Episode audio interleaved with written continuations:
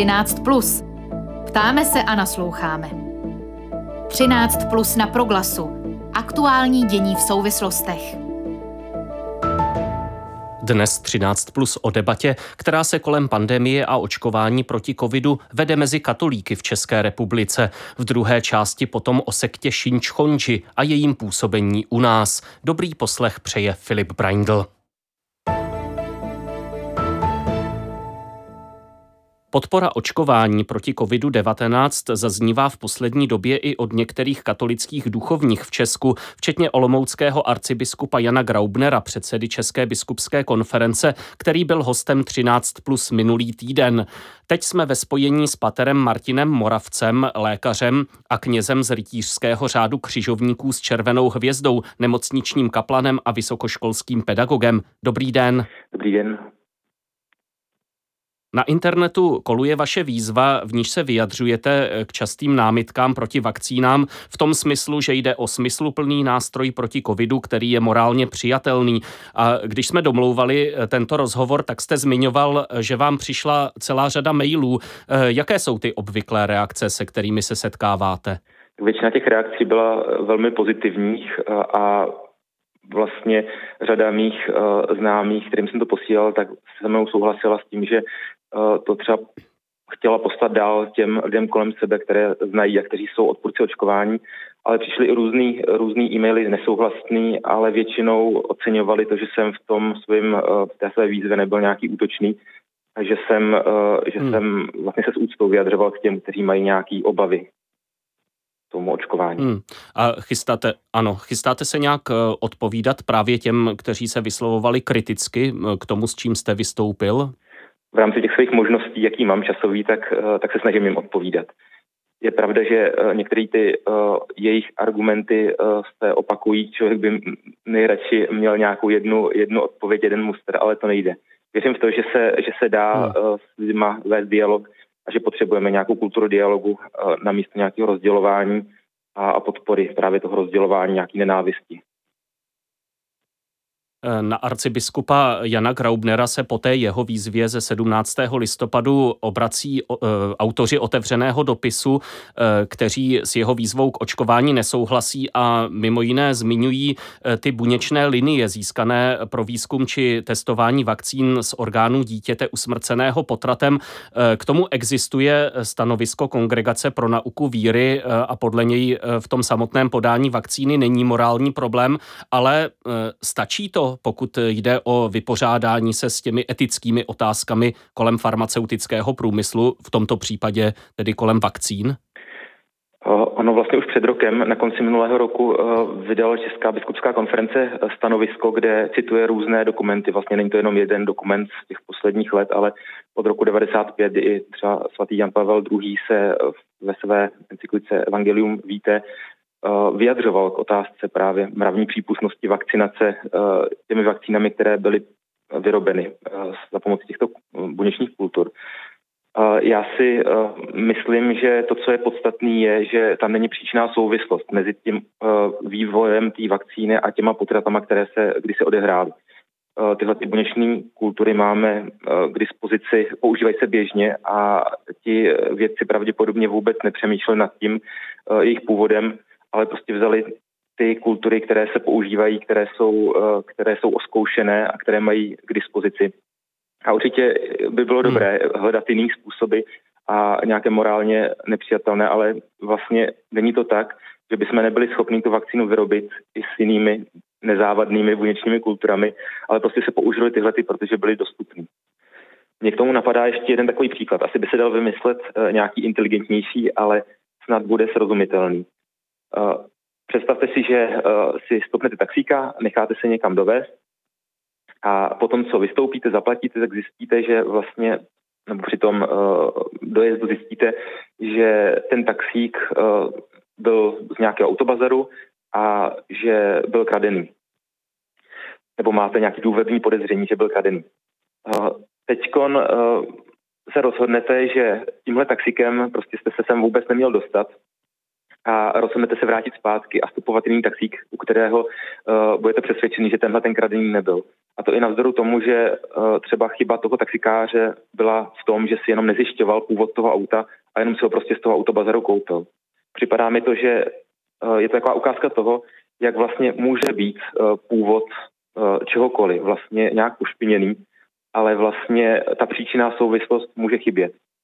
Ještě možná jednu, jednu, uh, jednu věc, vlastně po válce se řešilo, eh, jak vlastně s těma výsledkama lékařských experimentů, které se prováděly na, eh, na vězních koncentračních táborech.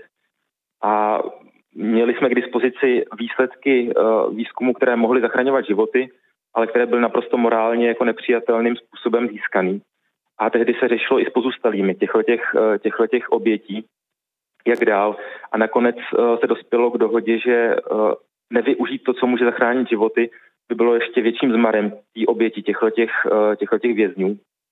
A, eh, a vlastně s tím, že pokud jsou nějaké eh, objevy, které můžou pomoci zachraňovat životy, takže je to možné, ale nesmí se zapomínat na ten různý způsob, jakým se k ním dospělo a nesmí se stát obhajobou toho způsobu, jak se k těm hmm. výzkumům a k těm objevům došlo. No, eh, pokud eh, správně rozumím, nebo eh, sám si interpretuji to, co říkají ti kritici toho církevního postoje k vakcínám, tak pro ně, nebo jim to připadá tak, eh, že pro církev teď účel světí prostředky a eh, církev ustupuje od některých, nebo církevní představitelé ustupují od některých principů eh, třeba v té oblasti ochrany nenarozeného života. Neděje se tedy právě něco, něco takového, že se tedy jaksi ospravedlňuje ten, ten dobrý výsledek, který je nespochybnitelný, ale ospravedlňují se ty praktiky, jimiž k ním ten farmaceutický průmysl dospěje, nedostávají eh, ty farmaceutické firmy jakýsi biankošek, eh, přineste vakcínu a je nám jedno, jak k tomu dospějete? Vůbec si to nemyslím a když eh, teda vezmeme ještě tu otázku těch embryonálních nebo fetálních konečných kultur, tak eh, třeba ty moderní mRNA vakcíny, tak eh, ty jsou vlastně v tomhle ohledu eh, ještě daleko čistější. Ty na ten svůj vývoj tyhle ty buněčné kultury nepoužívaly. Takže vlastně nechápu ani tu argumentaci proti těmhle těm typům vakcín, které vlastně jako splňují ten apel už z těch 90. let, aby, abychom se snažili hledat nějaké jako morálně méně závadné cesty. Hmm. Hostem 13 plus je kněz a lékař Martin Moravec. Když eh, celkově sledujete tu debatu vedenou mezi katolíky o očkování, celkově o vnímání té pandemie, eh, lze tam z vašeho pohledu mluvit o nějaké dělící linii mezi názorovými skupinami, třeba v tom, jak se ti lidé stavějí eh, k papeži Františkovi, v tom, nakolik tíhnou k liberálnějšímu či konzervativnějšímu pojetí, nebo tohle vzniká hm, teď spíše nahodile? Nemyslím si, že by to vznikalo nahodile. Na druhou stranu eh, to, co eh, vidím, je, že spousta eh, starších věřících, starších katolíků se asi neliší od jiných seniorů, kteří, kteří hodně dají na, na různé e-mailové poplašné zprávy, které jsou, které posílili lidi, kteří vlastně nemají žádnou zodpovědnost za to, co způsobí a, a řada těch seniorů je vystrašená tím, co čtou. Tam si myslím, že není takový velký rozdíl ale u uh, jiné části, většinou asi těch mladších, který se možná necítí uh, tak ohroženi sami uh, tou nemocí, tak mi to připadá jako takové, taková víra svého druhu, kdy uh, jako kdyby otázka vakcinace byla otázkou věrnosti Kristu a věrnosti, věrnosti uh, své víře. To si myslím, že, že je tragický omyl a připadá mi to, že řada těchto těch názorů Eh, se odráží právě od úcty k životu. A to, co je na tomto tragické, je, že vlastně závěry těchto těch názorů jsou takové, že jsou vlastně hodně proti životu. Proti, proti um, tomu, co nám věda a to, co nám vlastně lidský rozum a lidský um dal a proti nástroji, který nás může z této uh, tragédie, kterou ten, uh, ta současná pandemie je, který nás s ní může vyvíst. Vy v tom svém výstupu na internetu zmiňujete také, že za celou tou debatou o očkování vidíte širší problém, jakousi otázku důvěry, otázku schopnosti přijmout nějaká fakta. Podobně se v našem vysílání vyjádřil i arcibiskup Graubner. Co se s tím podle vás dá dělat, když tedy úplně ne, nefunguje argumentaci fakty, o kterých pak ten oponent řekne, že jim zkrátka nevěří, že je nepokládá za pravá a tak dále? Já myslím, že pravda se nedá uh, natrvalo nějakým způsobem uh, skrývat a že, uh, že s většinou z těch lidí, kteří teď jsou proti očkování a že se dá nějaký, argum, nějaký dialog vést a že o to je potřeba se snažit. Že řada těch lidí to vnímá jako otázku výhrady svědomí a asi není úplně dobrá cesta toho, otázku svědomí nějak lámat na sílu. A, a vidím tady prostor pro právě vedení nějakého dialogu ale pak je tady určitě skupina těch lidí, který, který se nějakým způsobem uzavírají. Já eh, zatím vidím um, snahy ještě nějakých um, jako cizích mocností, které prostě nechtějí mít celou Evropskou unii a které uh, využívají různá témata, která nějakým způsobem rozdělují společnost tady na západě, nejenom u nás, ale třeba i v USA. A zrovna mezi katolíky uh, jsou ty uh, témata, na kterých se uh, jako necháme chytit, ty otázky pro life. A bohužel mi to připadá, že zůstáváme hmm. na povrchu, že nějak nejdeme hloubš a že nejsme schopni rozlišovat, odkud vítr vane a kam nás chce dotlačit. Ještě poslední otázka, eh, teď zase zpátky eh, k té vakcíně. Eh, ta námitka kritikuje, když se stavíte za to očkování, tak přece nemůžete ale ručit za to, že to, že to dobře dopadne, že se v budoucnosti neobjeví nějaké nežádoucí důsledky a tak dále. Jaký je, jaká je vaše odpověď na tuhle námitku? Takový ty nejzávažnější následky těch očkování jsou většinou vidět už na začátku. A, ale je pravda, že co ta vakcína přinese eh, v nějakém středně nebo dlouhodobém horizontu, to nevíme, ale můžeme se jako právem domnívat, že eh, tušíme. A jestliže se do těla aplikuje kousíček toho viru, tak si myslím, že pokud někdo má nějaký dlouhodobý následky po té vakcíně, tak velmi pravděpodobně eh, by měl i po onemocnění, protože při tom onemocněním člověk dostává do těla i tenhle ten kousíček toho viru, ale vlastně dostává celý ten virus, který se v těle množí který, eh, který nějakým způsobem eh, reaguje s naší imunitou, s naším organismem.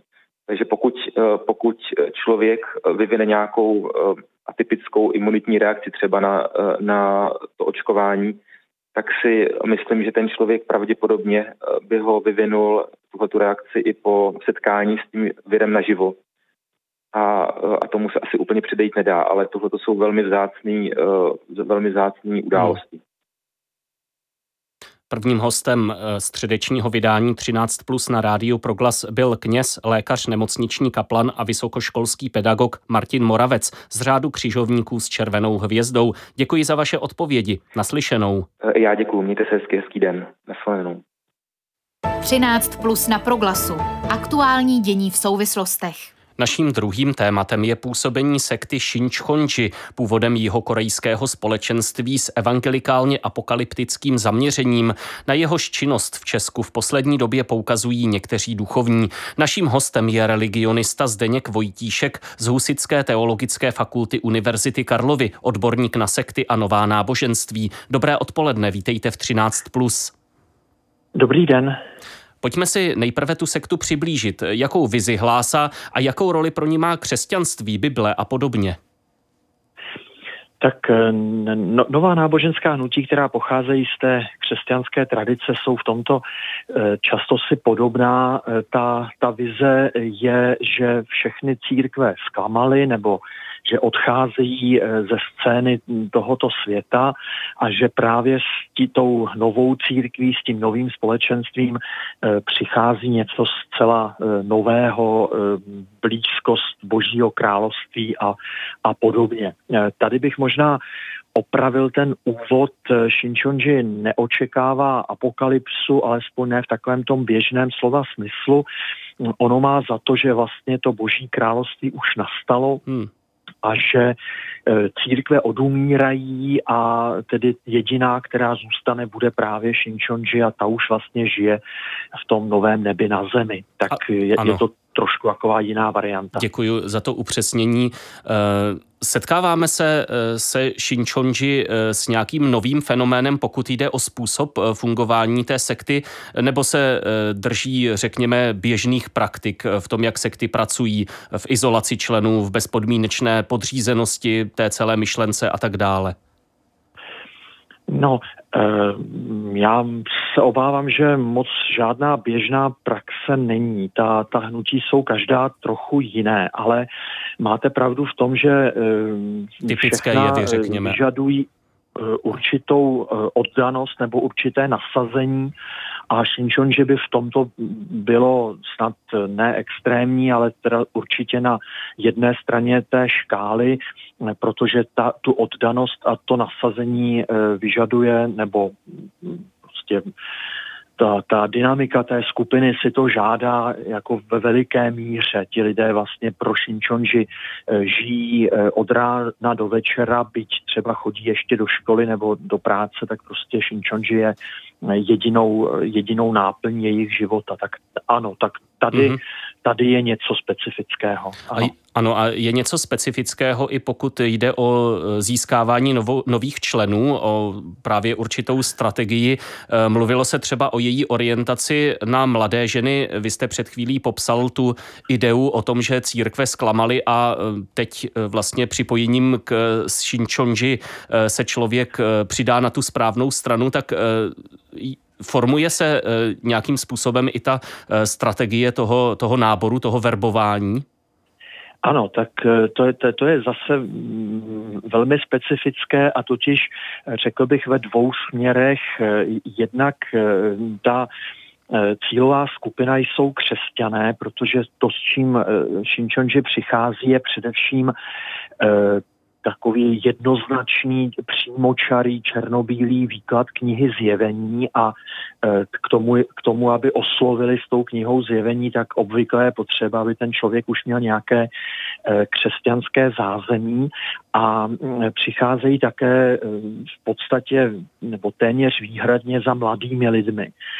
To, že jsou v Česku to hlavně mladé ženy, to asi nemá žádný strategický nebo teologický význam, to bych řekl, že je že je náhoda. Hmm. A to druhé, co je specifické na rozdíl od eh, řady nových hnutí eh, v rámci křesťanství. Tady ten nábor eh, probíhá ve smyslu, že účel světí prostředky, jak jsme toho byli svědky už u některých jiných korejských nových náboženství, totiž v tom smyslu, že je dovoleno eh, těm náborovaným lhát eh, a všelijak je oklamávat nebo podvádět, eh, protože prostě jsou přesvědčeni, že Eh, a až poznají tu, tu pravdu, tak vlastně veškerou tu lež a podvod eh, nebo jim to nebude vadit, nebo to omluví, eh, protože ten zisk té pravdy je daleko větší než, než ztráta Eh, při nějakém tom oklamání. Mimochodem eh, dokážeme vyjádřit, eh, proč to dělají, proč tedy chtějí, aby jich bylo co nejvíce. Je zatím nějaký finanční záměr nebo je to, je to čistě prostě sektářské následování té myšlenky, že musíme co nejvíce lidí získat na tu, na tu naši správnou stranu, na tu realizaci Božího království už teď? Já, já bych eh, jim nepřikládal nějaké špatné úmysly, hmm. oni prostě našli něco, eh, co chápou jako velice ceného a úžasného a zachraňujícího celý svět a tak dále a tak se snaží to dát dál. Jsou k tomu motivováni dynamikou té skupiny, aby teda opravdu misi věnovali velmi, velmi mnoho času a také to tak dělají, ale ten úmysl e, dát dál tu dobrou zprávu, eh, ten, ten myslím, že není nějak zvláštní, to asi hmm. e, takovýto úmysl sdílí e, všichni, kdo nějakou dobrou zprávu mají. Hostem 13 plus na rádio Proglas je religionista Zdeněk Vojtíšek. V určité části katolického publika teď rezonuje nedávné vyjádření kněze Ladislava Heriána, který poukázal na některé případy, kdy k Sinčonži přešli lidé, u nichž vypadalo, že jsou duchovně zakotveni ve svých farnostech a v návaznosti na to přemýšlel o určité reflexi, co děláme špatně, když takoví lidé odcházejí z katolické církve nebo řekněme obecně z prostředí těch tradičních církví. Je podle vás taková otázka na místě nebo se spíše míjí s tou dynamikou sekt? Eh, ne, já si, já, já si pana Faráře velmi vážím, ale toto je, myslím, eh, střelba zcela mimo cíl. Eh, jistě je spousta věcí, které by církve měly dělat jinak a nikdy asi není dost sebekritiky, ale tady to opravdu není ten případ. Shinchonji je atraktivní tím, že Eh, dává eh, lidem jistotu, že jim řekne, jak to je, kdo, kdo, kdo má pravdu, kdo ji nemá, jak to je v knize zjevení, jak to jaký je přesný jízdní řád eh, dalších roků tohoto světa a tak dále. A toto běžná církev nemůže těm lidem poskytnout, prostě protože ten pan farář to neví a, a, a řekne, že to neví, že, že má hmm. spoustu pochybností eh, o tom, jak to bude, že Bible něco naznačuje, ale stoprocentně eh, černobíle to z toho nelze, ne, nelze vyčít. Hmm. Eh, ta Shinchonji je, je atraktivní pro lidi, kteří nejsou z nějakých vnitřních důvodů une, schopni unést tu, tu nejistotu v tom, jak to přesně je, tu nečernobílost tohoto světa.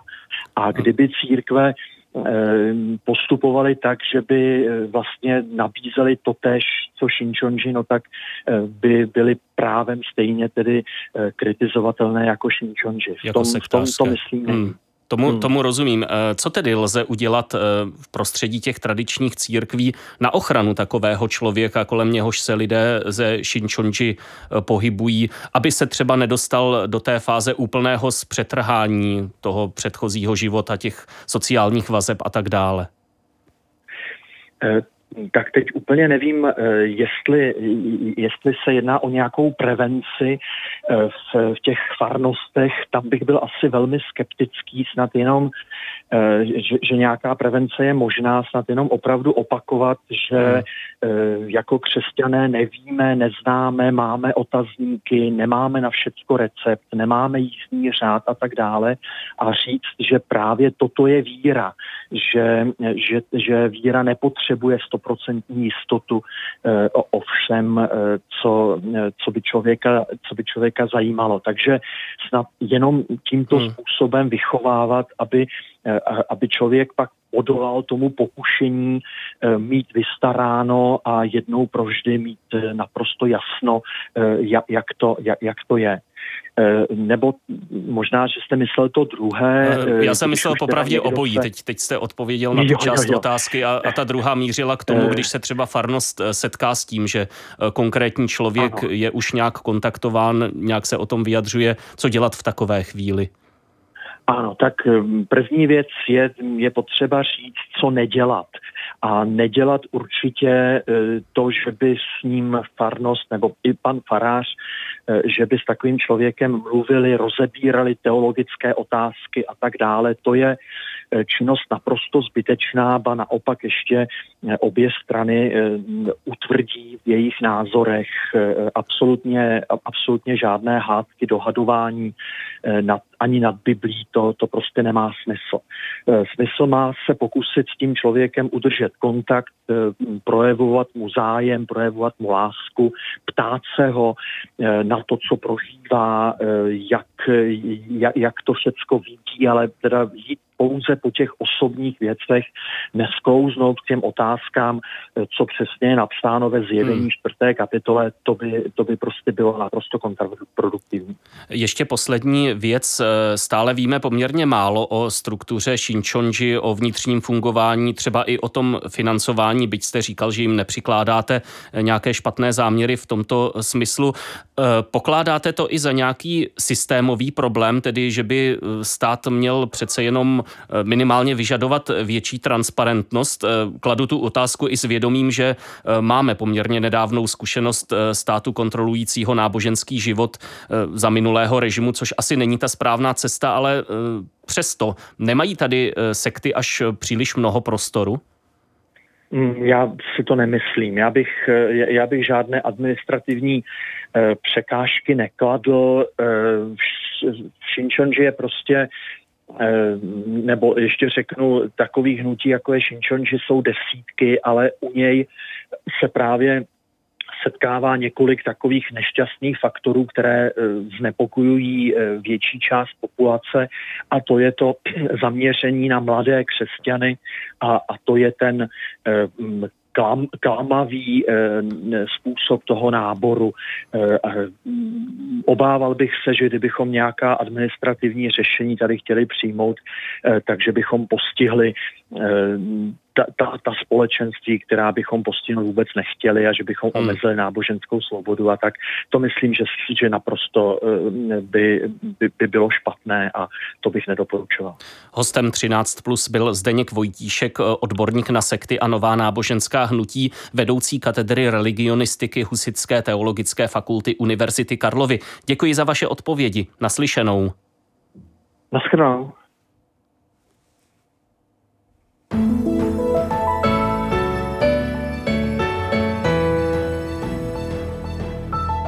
Z 13 plus s datem 24. listopadu je to vše. Loučí se Filip Braindl, s nímž spolupracovala Jana Kuklová. Záznam najdete v audioarchivu a podcastových aplikacích. U zítřejšího vydání vás uvítá Ondřej Havlíček. Hezké odpoledne.